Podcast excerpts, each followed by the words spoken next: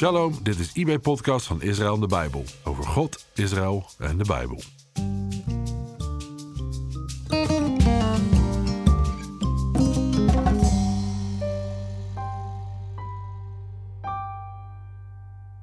Shalom, mijn naam is David van Kapelleveen en welkom bij alweer een nieuwe aflevering van IB Podcast. In de Bijbel zien we dat de Heere God op verschillende tijden met verschillende mensen verbonden aangaat vanaf de eerste mens Adam tot aan het nieuwe verbond in de Messias. In deze preek nodigt Bert Boeien uit om samen met hem naar het grote plaatje te kijken. Om te zien hoe God aan het werk is en juist om de verbanden tussen de verbonden te zien als we ze plaatsen onder de noemer Gods eeuwige doel in Christus Jezus. Ik wens jullie veel zegen en luisterplezier.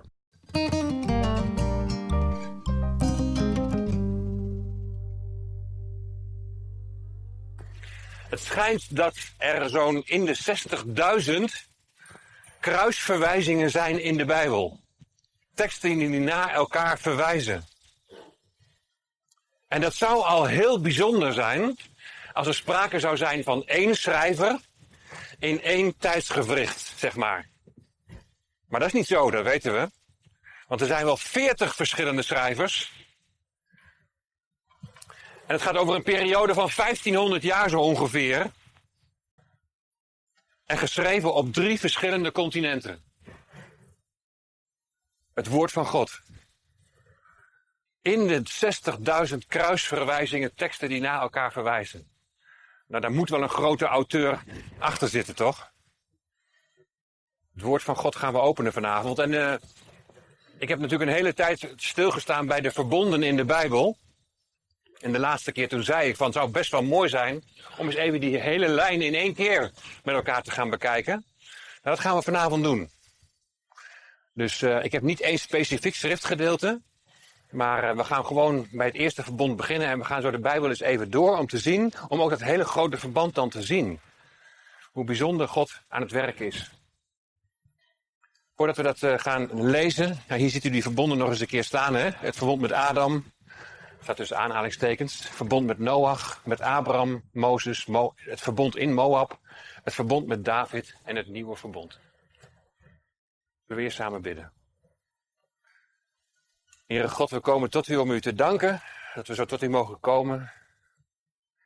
Dank u, Heer, dat u woord hebt gegeven aan ons en we hebben het verlangen, Heer, om ja, uit uw woord te leren. Heer, wilt u wijsheid geven door uw Heilige Geest.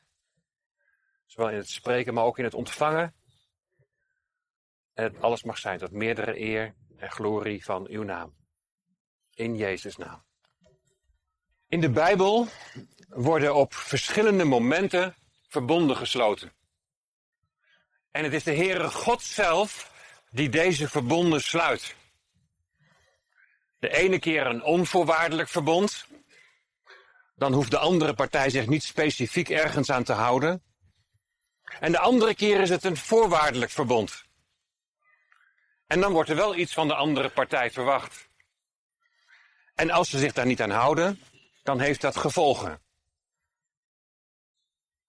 Met de uitleg van de verbonden wil ik de rode draad door de Bijbel laten zien. Hoe God zijn weg is gegaan en hoe hij zijn weg gaat met, met de mensheid, met Israël, met de volken en met de gemeente het lichaam van Christus. En we zullen zien dat je de verbonden met elkaar kunt verbinden door er als titel boven te zetten Gods eeuwige doel in Christus Jezus. Nou, het eerste verbond waar we naar gaan kijken, dat is het verbond, tussen aanhalingstekens, het verbond met Adam. En in de theologie wordt het ook wel het werkverbond genoemd. In Hosea 6, vers 7, daar wordt gesproken over het verbond van Adam. Maar het is daar wel de vraag of dat nou over een echt verbond gaat. In Genesis 1 tot en met 3 zie je dat woord verbond zie je daar niet terug. Maar er wordt wel aan Adam een opdracht gegeven, een tweeledige opdracht. Ten eerste om de hof te bewerken en de hof van Ede te onderhouden en over de schepping te heersen. En ten tweede om niet te eten van de boom der kennis van goed en kwaad. Dood of eeuwig leven is afhankelijk van gehoorzaamheid, dus afhankelijk van werken. Vandaar de term ook, het werkverbond. Dit zijn voorwaardelijke afspraken. Ze moeten zich hier aan houden, want anders heeft dat gevolgen. Door ongehoorzaamheid gaat in vervulling waarvoor Adam is gewaarschuwd. De belofte was dat ze zouden sterven als ze zouden eten van de boom der kennis van goed en kwaad. En ze zijn vanaf dat moment zijn ze ook sterfelijk. Ze zullen eenmaal sterven. Maar sterven betekent ook dat ze van God gescheiden zijn, dat de relatie met God is verstoord. Genesis 3 laat zien dat ze de Hof van Eden moeten verlaten en dat ze vanaf dat moment op een vervloekte aarde leven. Waar de Satan de overste van deze wereld is. Maar het eindigt met een geweldige belofte. En die belofte die is zo belangrijk, die moeten we heel goed vasthouden, want die komt zo meteen iedere keer weer terug. Genesis 3, vers 15. De belofte die is als volgt. En ik zal vijandschap teweeg brengen tussen u en de vrouw, en tussen uw nageslacht en haar nageslacht. En je kunt ook vertalen als tussen uw zaad en haar zaad. Dat zal u de kop vermorzelen. En u zult het de hiel vermorzelen. De kop van Satan zal vermorzeld worden. Hij zal verslagen worden. Hij zal vernietigd worden. En dat hangt samen met het vermorzelen van de hiel. Wat heen wijst naar de kruisiging van de Heer Jezus. Wat heen wijst naar de kruisiging van de Messias. De Heer Jezus die uit de vrouw zal voortkomen. Het zaad, het nageslacht van de vrouw. En dan denken we misschien bij vrouwen in eerste instantie aan Maria. Maar we zien later ook dat Israël als de vrouw wordt getypeerd. En dat uit het volk Israël de Messias zal voortkomen. Als je op deze belofte ziet, dan is het maar de vraag of werkverbond nou wel zo'n gelukkige benaming is. Want het is eigenlijk al een genadeverbond omdat het eindigt met die geweldige belofte in Genesis 3, vers 15. De belofte van de verzoening door geloof in de Heer Jezus. En toen ik net begon, toen zei ik van de verbonden kun je met elkaar verbinden door er als titel boven te zetten Gods eeuwige doel in Christus Jezus. Dat zien we hier met de belofte in Genesis 3, vers 15 al in vervulling gaan. En deze belofte die blijft staan tot de kruisiging van de Heer Jezus. Het tweede verbond is het verbond met Noach. Met Noach en de levende wezens. En we zien in Genesis 6 dat het helemaal misgaat met de mensheid. We lezen daar dat God er berouw over had dat hij de mensen op aarde had gemaakt. Hij wil alles van de aardbodem verdelgen. Maar die belofte van Genesis 3, vers 15 blijft staan. Dus de Heere gaat door en hij kiest hier één persoon uit met zijn gezin, Noach. Genesis 6, vers 18. Maar met u, dat zegt de Heere God tegen Noach, met u zal ik mijn verbond maken en u moet in de ark gaan, u, uw zonen, uw vrouw en de vrouwen van uw zonen met u.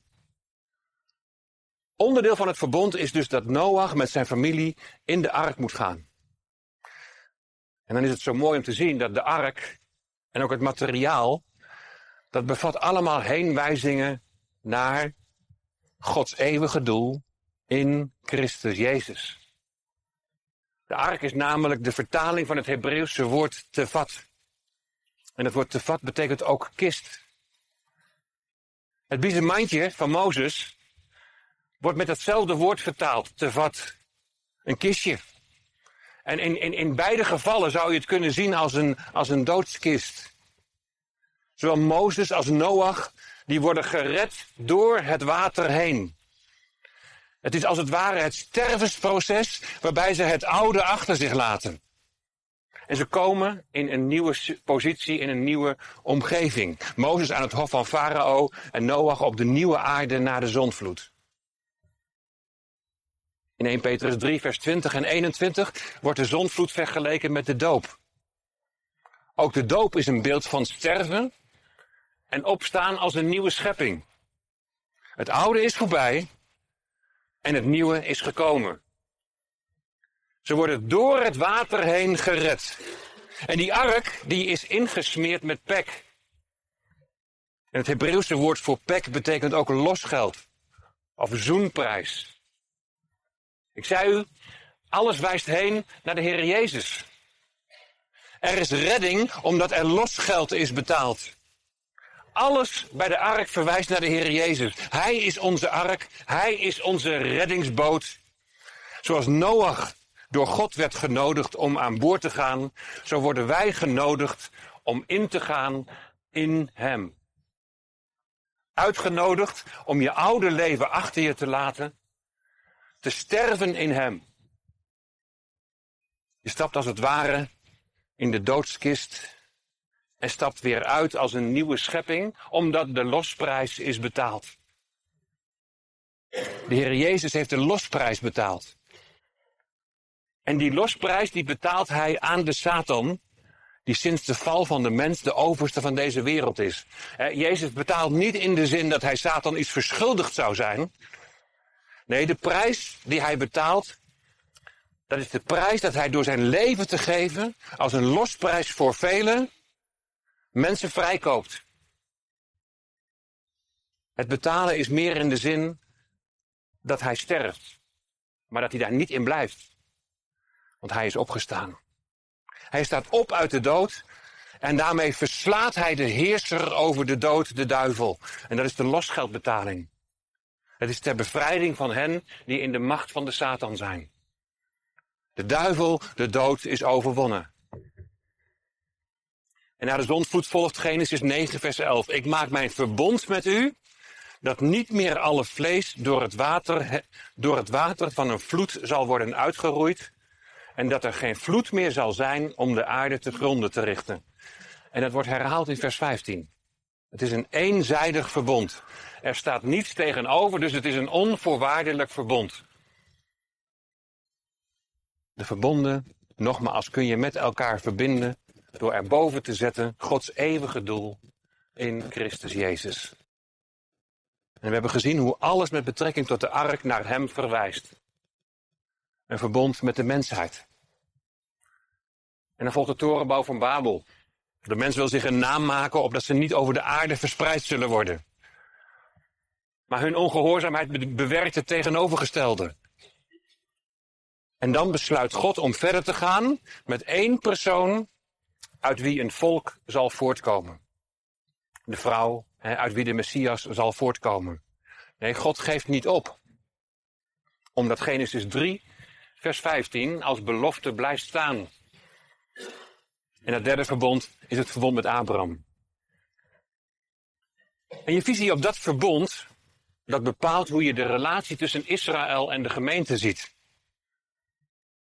Het bepaalt hoe je de verhouding ziet tussen het Oude en het Nieuwe Testament. Degenen die de vervangingstheologie aanhangen, dat houdt in dat de gemeente in plaats van Israël zou zijn gekomen. Zij zien dit verbond als een verbond in eerste instantie voor Israël, maar ze betrekken het nu volledig op de gemeente. En hieruit volgt onder andere de gedachte dat de doop in plaats van de besnijdenis zou zijn gekomen.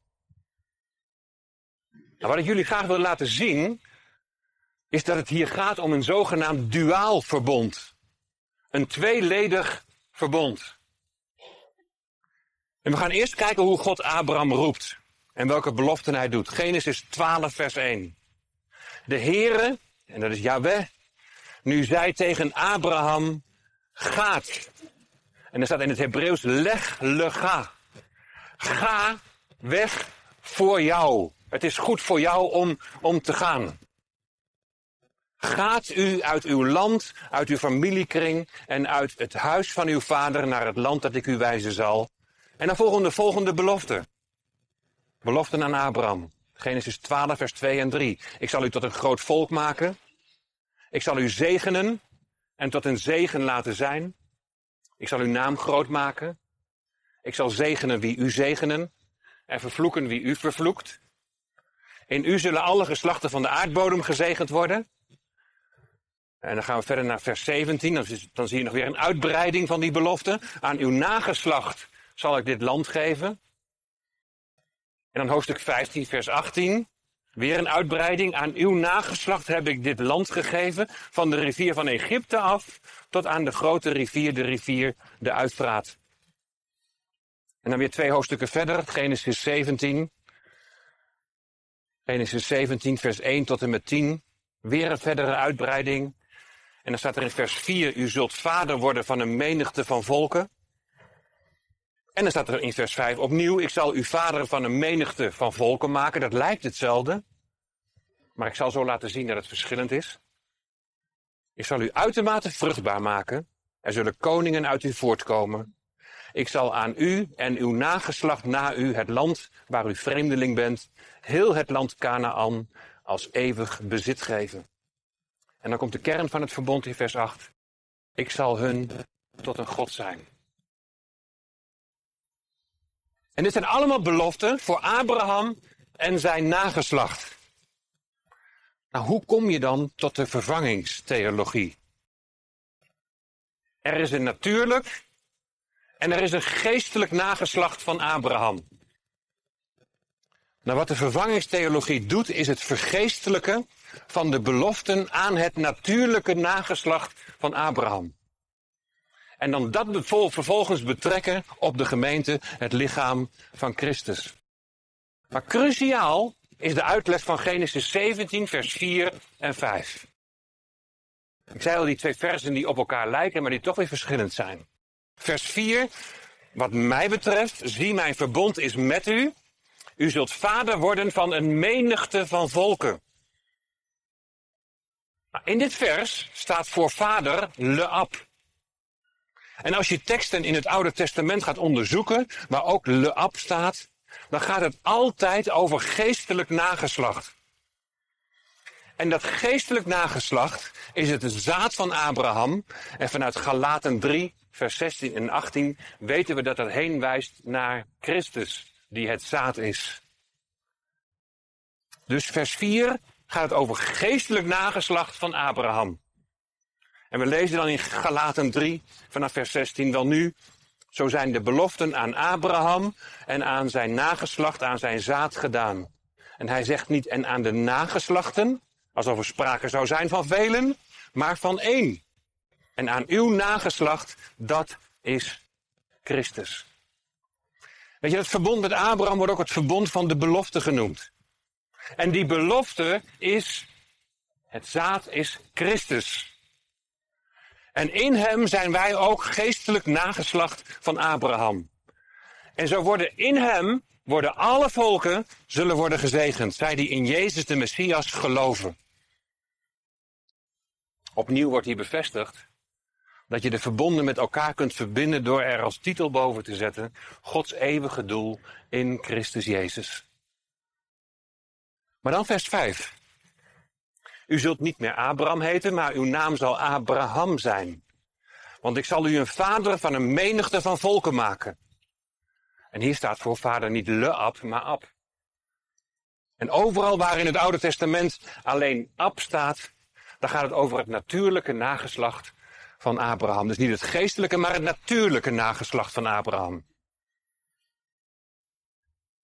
De menigte volken in vers 5, dat is het natuurlijke nageslacht uit Isaac en Ismaël. Maar het verbond wordt uiteindelijk gesloten alleen met Isaac.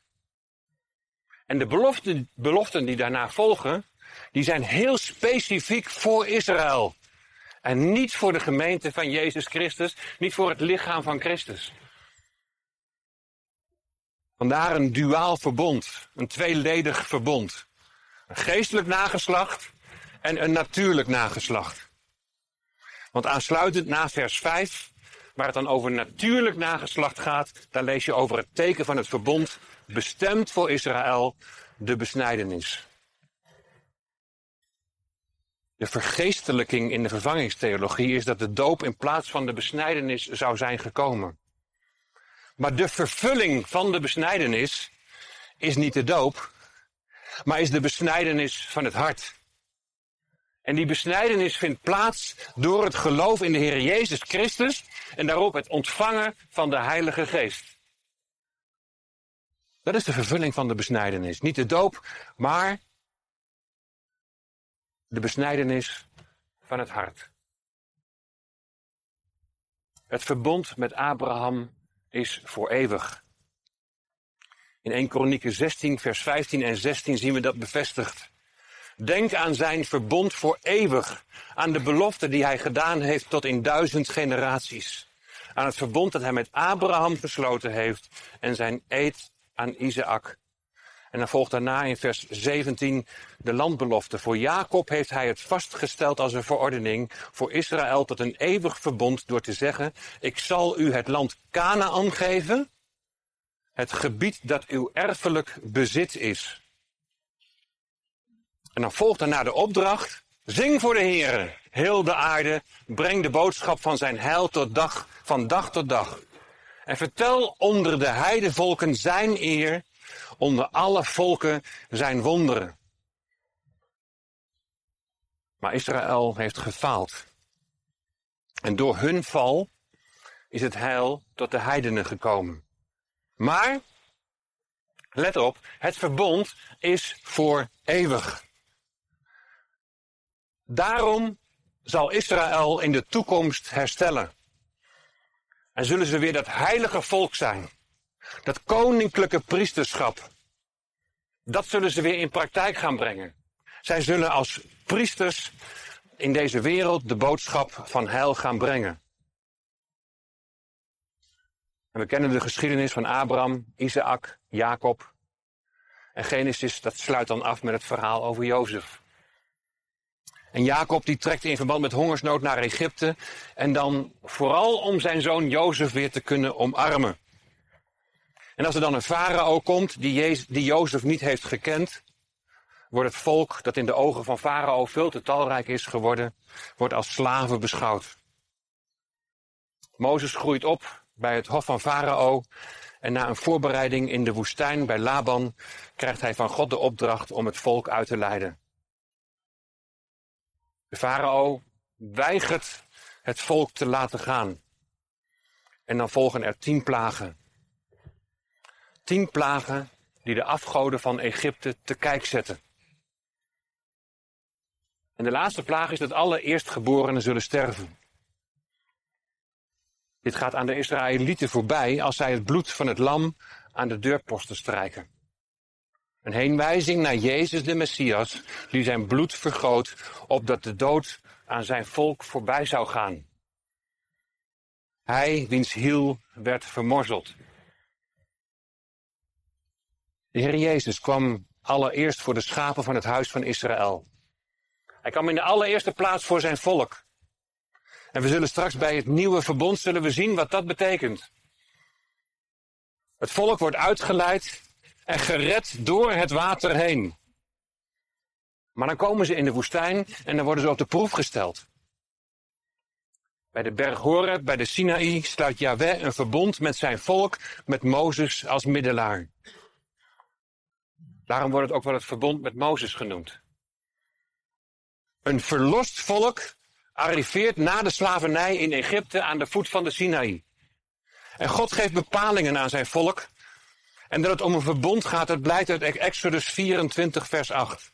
Toen nam Mozes het bloed, sprenkelde het op het volk en zei, zie, dit is het bloed van het verbond dat de Heere met u gesloten heeft op grond van al die woorden.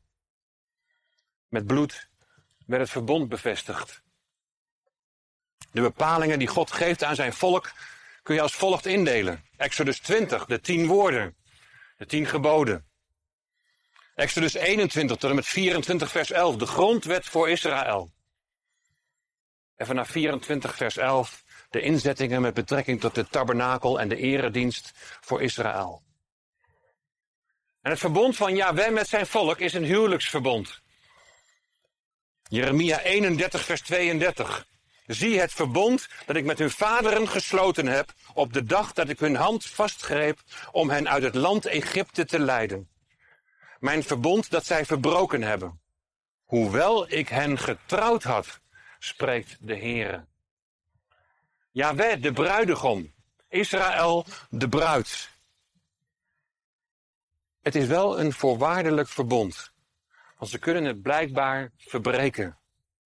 En dat voorwaardelijke, dat blijkt heel duidelijk in Deuteronomium 28 en 29. Als ze Jaweh gehoorzaam zullen zijn, dan zullen ze worden gezegend. Maar zijn ze ongehoorzaam, dan zullen ze worden vervloekt. En dan zullen ze uit hun land zullen ze worden verdreven. En we zien dan ook dat dat tijdens de ballingschap is gebeurd. En het doel van die wet is tweeledig. Opdat het u goed gaat. De wet is niet gegeven om het volk te onderdrukken, maar om het volk te beschermen. Opdat het u goed gaat. En de tweede reden, het tweede doel van de wet, de wet is gegeven om te laten zien wat de overtredingen zijn.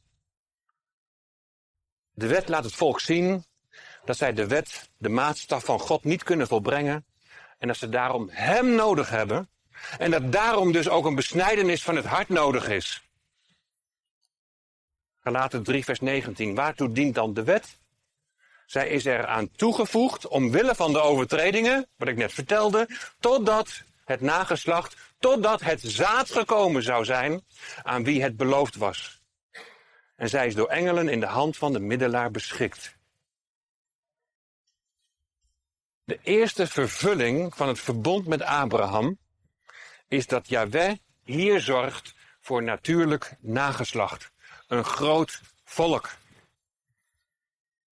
En de tweede vervulling van het verbond met Abraham ligt nog in de toekomst.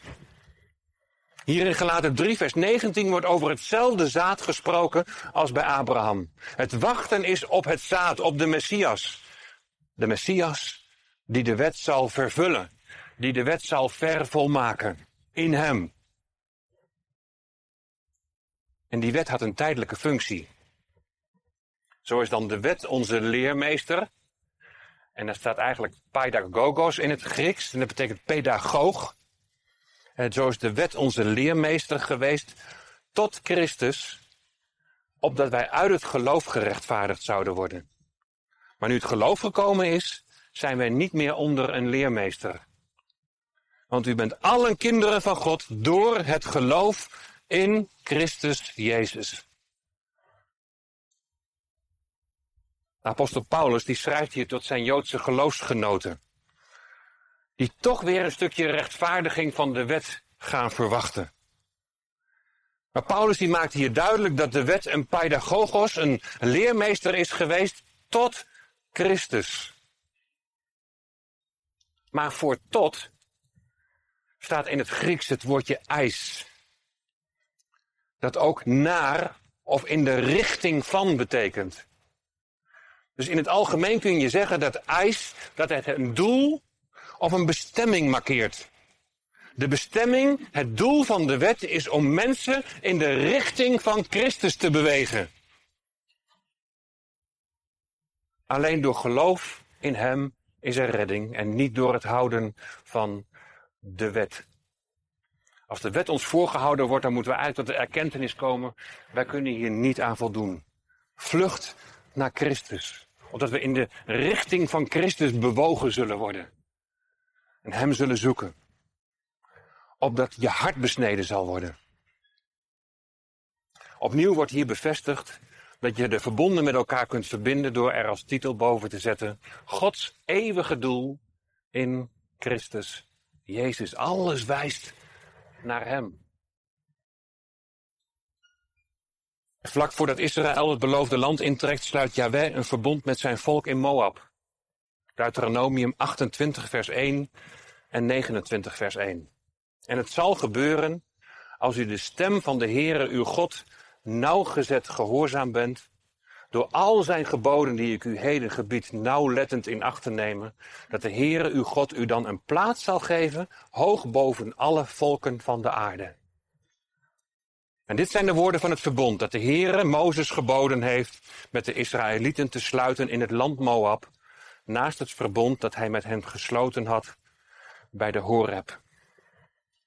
Deuteronomium, Deutero is twee, nomos is wet. Nou, het is niet een tweede wet, maar het is een herhaling, een herinnering aan de wet. aan de afspraken die zijn gemaakt.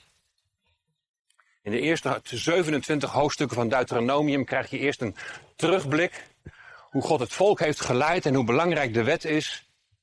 En in hoofdstuk 28 tot en met 34 krijg je dan een vooruitblik. Hoe het volk in het beloofde land moet leven. En dan wordt er herinnerd aan de wet van Mozes. En in Deuteronomium 29 vers 1 zag je net dat er een volk, dat er een verbond wordt gesloten tussen Yahweh en het volk vlak voor de inname van het land. De inname van het beloofde land. En in Deuteronomium 28 vers 1 heb je gezien dat het om een voorwaardelijk verbond gaat. Daar staat als u de stem van de Heere uw God nauwgezet gehoorzaam bent. Als. Indien, voorwaardelijk. En in Deuteronomium 30 vers 1, daar lees je over het volk dat door ongehoorzaamheid is verdreven uit het land. En dan vanaf vers 2 een geweldige belofte als ze zich bekeren. Deuteronomium 30, vers 1 tot en met 3. Het zal gebeuren wanneer al deze dingen, de zegen en de vervloeking die ik u voorgehouden heb, over u komen, dat u het weer ter harte zult nemen onder alle volken waarheen de Heere uw God u verdreven heeft. En u zult zich bekeren tot de Heere uw God en zijn stem gehoorzaam zijn en uw kinderen met heel uw hart en met heel uw ziel overeenkomstig alles wat ik u heden gebied. Dan zal de Heere uw God een omkeer brengen in uw gevangenschap en zich over u ontfermen. Hij zal u weer bijeenbrengen uit alle volken waarin de Heere uw God u verspreid had. Vanuit Moab, en dan zie je het Bijbelboek Jozua, trekken ze het land binnen. En als de priesters de ark met het verbond en dan hun voeten in de Jordaan zetten, wordt er zoals beloofd wordt er een dam opgeworpen. Ze kunnen net als bij de uittocht uit Egypte kunnen ze droog overtrekken. Het was op de tiende van de maand Nissan dat het volk Israël de eerste stappen in het beloofde land zette. En die datum is niet toevallig. De Heere God die heeft de regie.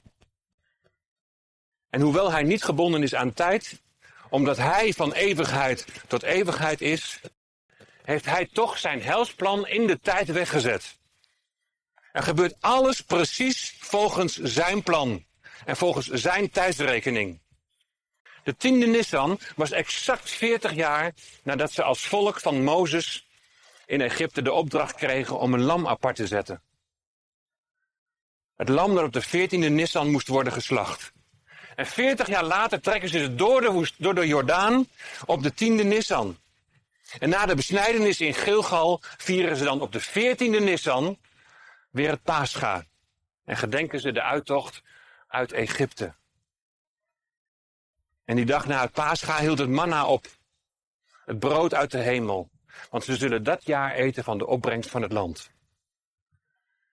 Jozua, Yeshua, eigenlijk dezelfde naam als de Heer Jezus, Jozua, Yeshua. Hij trekt met het volk door de Jordaan op de tiende Nissan, de dag dat 40 jaar daarvoor het lam apart werd gezet. Op de 14e Nissan vieren ze in Gilgal het Pascha. Het is natuurlijk een schaduwbeeld van het lam Gods, de Heer Jezus, die apart gezet werd. Op welke datum? De Heer Jezus werd apart gezet, apart gezet op de tiende Nissan. En dan volgt de intocht in Jeruzalem en geeft hij zijn leven op de veertiende Nissan. Over een rode draad gesproken. Opnieuw zien we bevestigd dat je de verbonden met elkaar kunt verbinden door dat opschrift. Gods eeuwige doel in Christus Jezus. En dan het volgende verbond in de Bijbel. Het verbond met David en zijn nageslacht. Zijn zaad. En de Heere die verscheen aan David op de berg Moria. En waarom? David had gezondigd door een volkstelling te houden. En als gevolg daarvan kwam de pest over het land. En de engel van God die de pest bracht, die blijft dan staan bij die dorsvloer op de berg Moria. En David die krijgt vervolgens van God de opdracht om die dorsvloer te kopen en daar een altaar te bouwen. En Ornan die wil het hem gratis geven. En hij wil hem ook alles geven wat er maar nodig is om te offeren. Maar David weigert en hij betaalt de volle prijs. Dat is heel belangrijk. Hij betaalt de volle prijs voor dat stukje land. Een Jordaans-islamitische stichting die beheert op dit moment het Tempelplein, de berg Moria, waar David de volle prijs voor heeft betaald. En David die haalt daarna de ark van het verbond uit Kirjat Jearim en plaatst die onder een tijdelijk tentdoek. Nou, de tabernakel was nog in Gibeon en die is nooit in Jeruzalem opgezet. En dan oppert David het idee in 2 Samuel 7 om een huis voor God te bouwen. En de profeet Nathan die zegt, ja dat moet je doen. Doe wat in je hart is. Maar God fluit hem terug. Oh, wacht even. En de Heere God zegt dan tegen Nathan dat hij destijds bij de Sinaï wel opdracht heeft gegeven voor het maken van de tabernakel, maar dat hij nu geen opdracht heeft gegeven om een tempel te bouwen, om een huis te bouwen. En hij veegt Davids plan van tafel. En zo hebben we aansluiting met 2 Samuel 7. David krijgt via Nathan van God te horen dat na zijn leven zijn zoon de tempel zal bouwen. En Yahweh zijn koningschap voor eeuwig zal bevestigen. Voor eeuwig zal bevestigen. 2 Samuel 7, vers 13 en 16. Die zal voor mijn naam een huis bouwen en ik zal de troon van zijn koningschap voor eeuwig bevestigen. Uw huis en uw koningschap zullen voor uw ogen voor eeuwig vaststaan. Uw troon zal voor eeuwig zeker zijn. Het is een eeuwig verbond. Na de ballingschap, dan wordt de tempel weer herbouwd.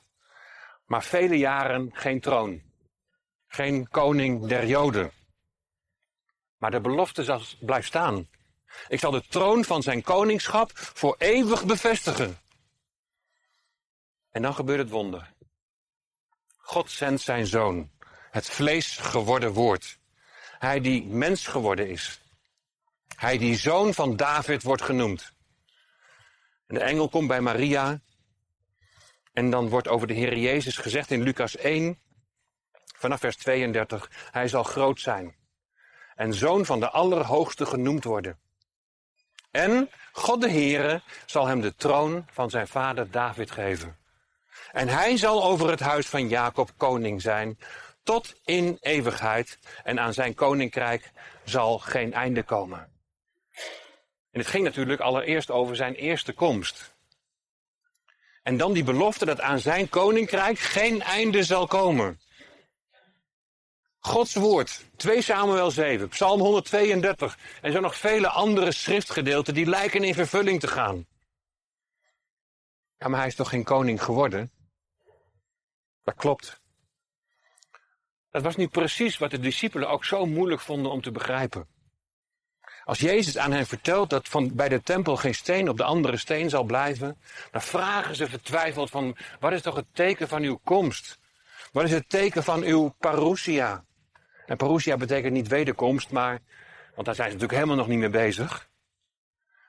Wat is het teken van uw parousia? Het betekent, wanneer zult u, Heer Jezus, uw koningschap dan hier op aarde vestigen? Wanneer zult u koning zijn?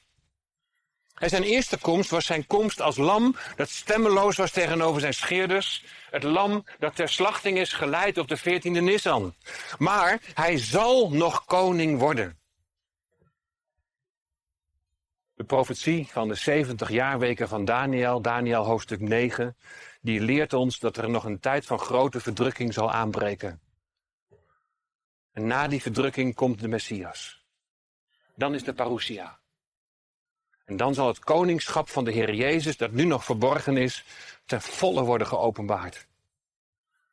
Dan zal de zoon van David plaatsnemen op de troon. Dan zal de profetie in relatie tot het verbond met David helemaal in vervulling gaan. Dan zal de Messias, dan zal Jezus regeren vanuit Jeruzalem. En opnieuw wordt hier weer bevestigd dat je de verbonden met elkaar kunt verbinden door er als titel boven te zetten Gods eeuwige doel in Christus Jezus. Alles wijst naar Hem. En tot slot, het nieuwe verbond. En het nieuwe verbond is allereerst voor Israël. En dit is de tweede vervulling, heb ik toen straks al gezegd. Dit is de tweede vervulling van het verbond met Abraham. De eerste vervulling was het verbond op de Sinaï. De Heer had een groot volk beloofd, een natuurlijk nageslacht. En op de Sinaï werd het huwelijk gesloten tussen Yahweh en zijn volk. Maar de tweede vervulling is de belofte van geestelijk nageslacht. Het nieuwe verbond. De geestelijke besnijdenis van het hart van het volk. En daarover lezen we in Jeremia 31 vanaf vers 31. Zie, er komen dagen, spreekt de Heere, dat ik met het huis van Israël en met het huis van Juda een nieuw verbond zal sluiten. Niet zoals het verbond dat ik met hun vaderen gesloten heb, op de dag dat ik hun hand vastgreep om hen uit Egypte te leiden, mijn verbond dat zij verbroken hebben, hoewel ik hen getrouwd had, spreekt de Heere. Voorzeker, dit is het verbond dat ik na die dagen met het huis van Israël sluiten zal, spreekt de Heere. Ik zal mijn wet in hun binnenste geven en zal die in hun hart schrijven. Ik zal hun tot een God zijn en zij zullen mij tot een volk zijn.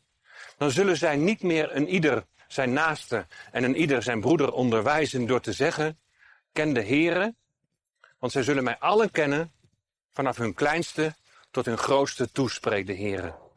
Want ik zal hun ongerechtigheid vergeven en aan hun zonde niet meer denken.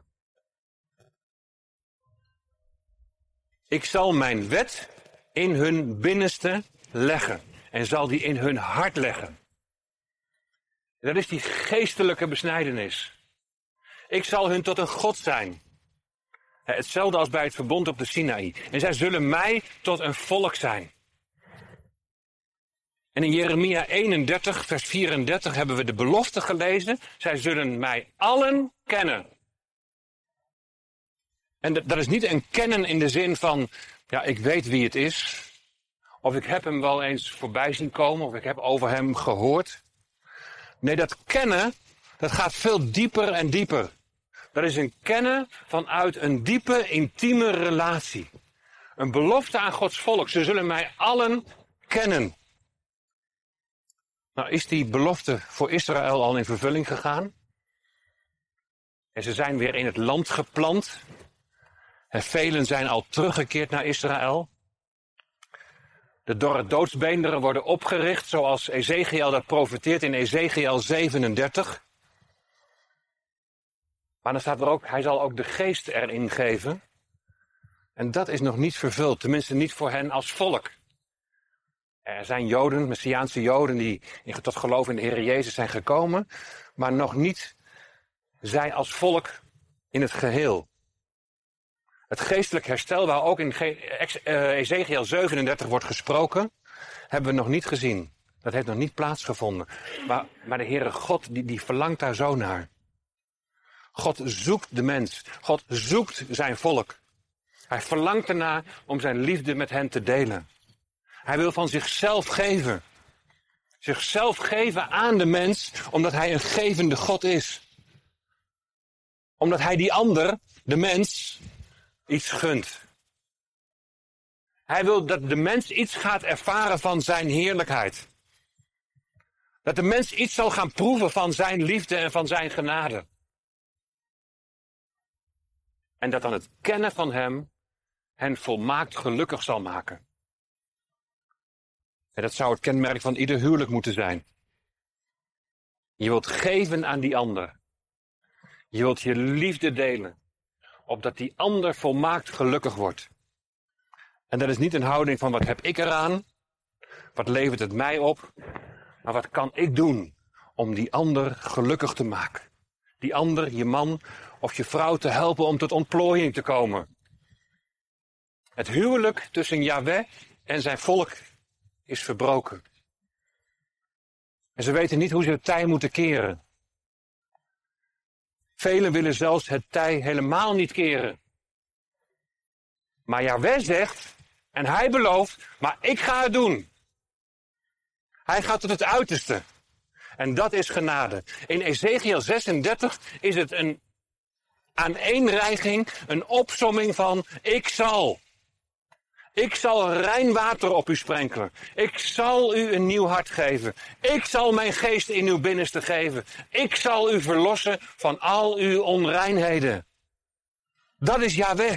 Dat is de God van Israël. Dat is wat hij aan Israël belooft. Hij gaat het doen. Een verbond gaat in werking als er een erflater is.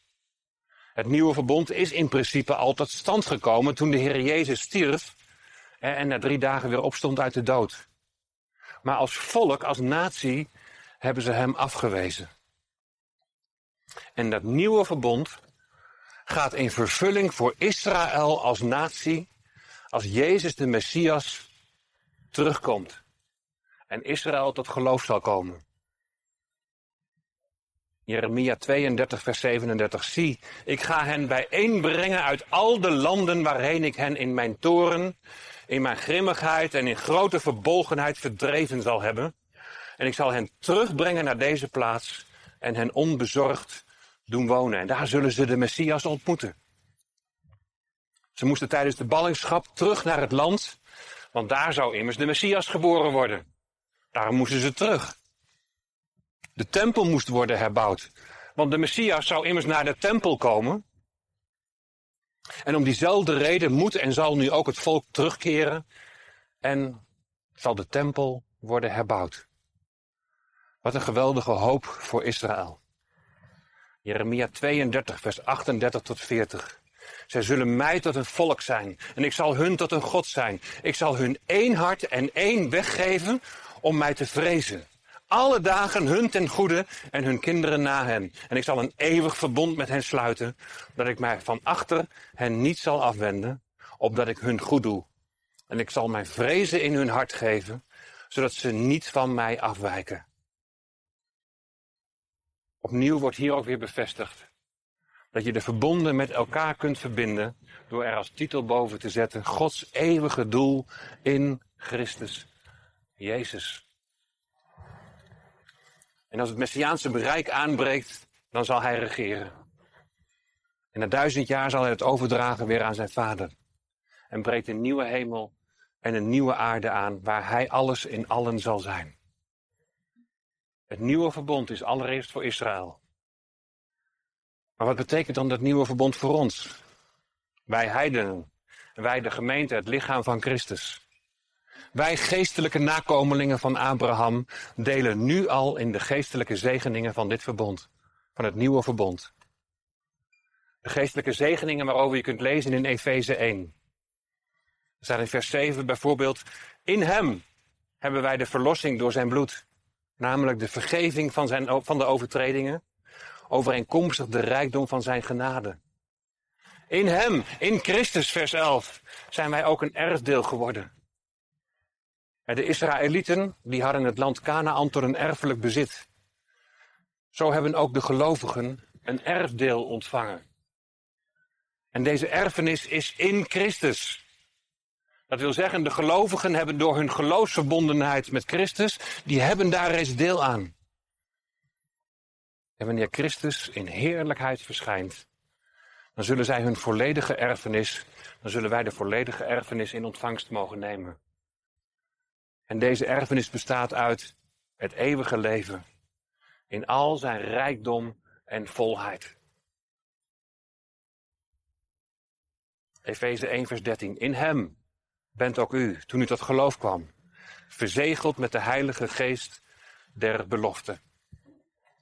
Weet je, door de verbonden heen zie je eigenlijk als het ware een, een progressieve lijn naar het einddoel toe. En die belofte van Genesis 3, vers 15, die blijft voortdurend staan. Daarom gaat God ook voortdurend door. Af en toe met eenlingen, maar uit die eenling, met name dan Abraham, daar komt dan zijn volk voort. Door de verbonden heen. Naar dat einddoel toe. Het einddoel dat het kwaad uit deze schepping zal worden geweerd. Het einddoel dat de Heere God alles in allen zal zijn. En dat de aarde bedekt zal zijn met de kennis van de Heere. We zullen Hem kennen zoals we door Hem gekend zijn. Is dat niet prachtig zo? Even alle verbonden op een rijtje. En dan te zien hoe God zijn weg is gegaan met Israël, het lichaam van Christus. En hoe hij nog tot zijn doel zal komen met zijn volk. En dat zij allen hem zullen kennen. En de Heer die zegt, ik zal het doen. Hij heeft het beloofd. En wat hij doet, of wat hij zegt, dat doet hij. We zullen Hem kennen zoals we door Hem gekend zijn. Aan Hem alle aanbidding, eer en glorie. Amen.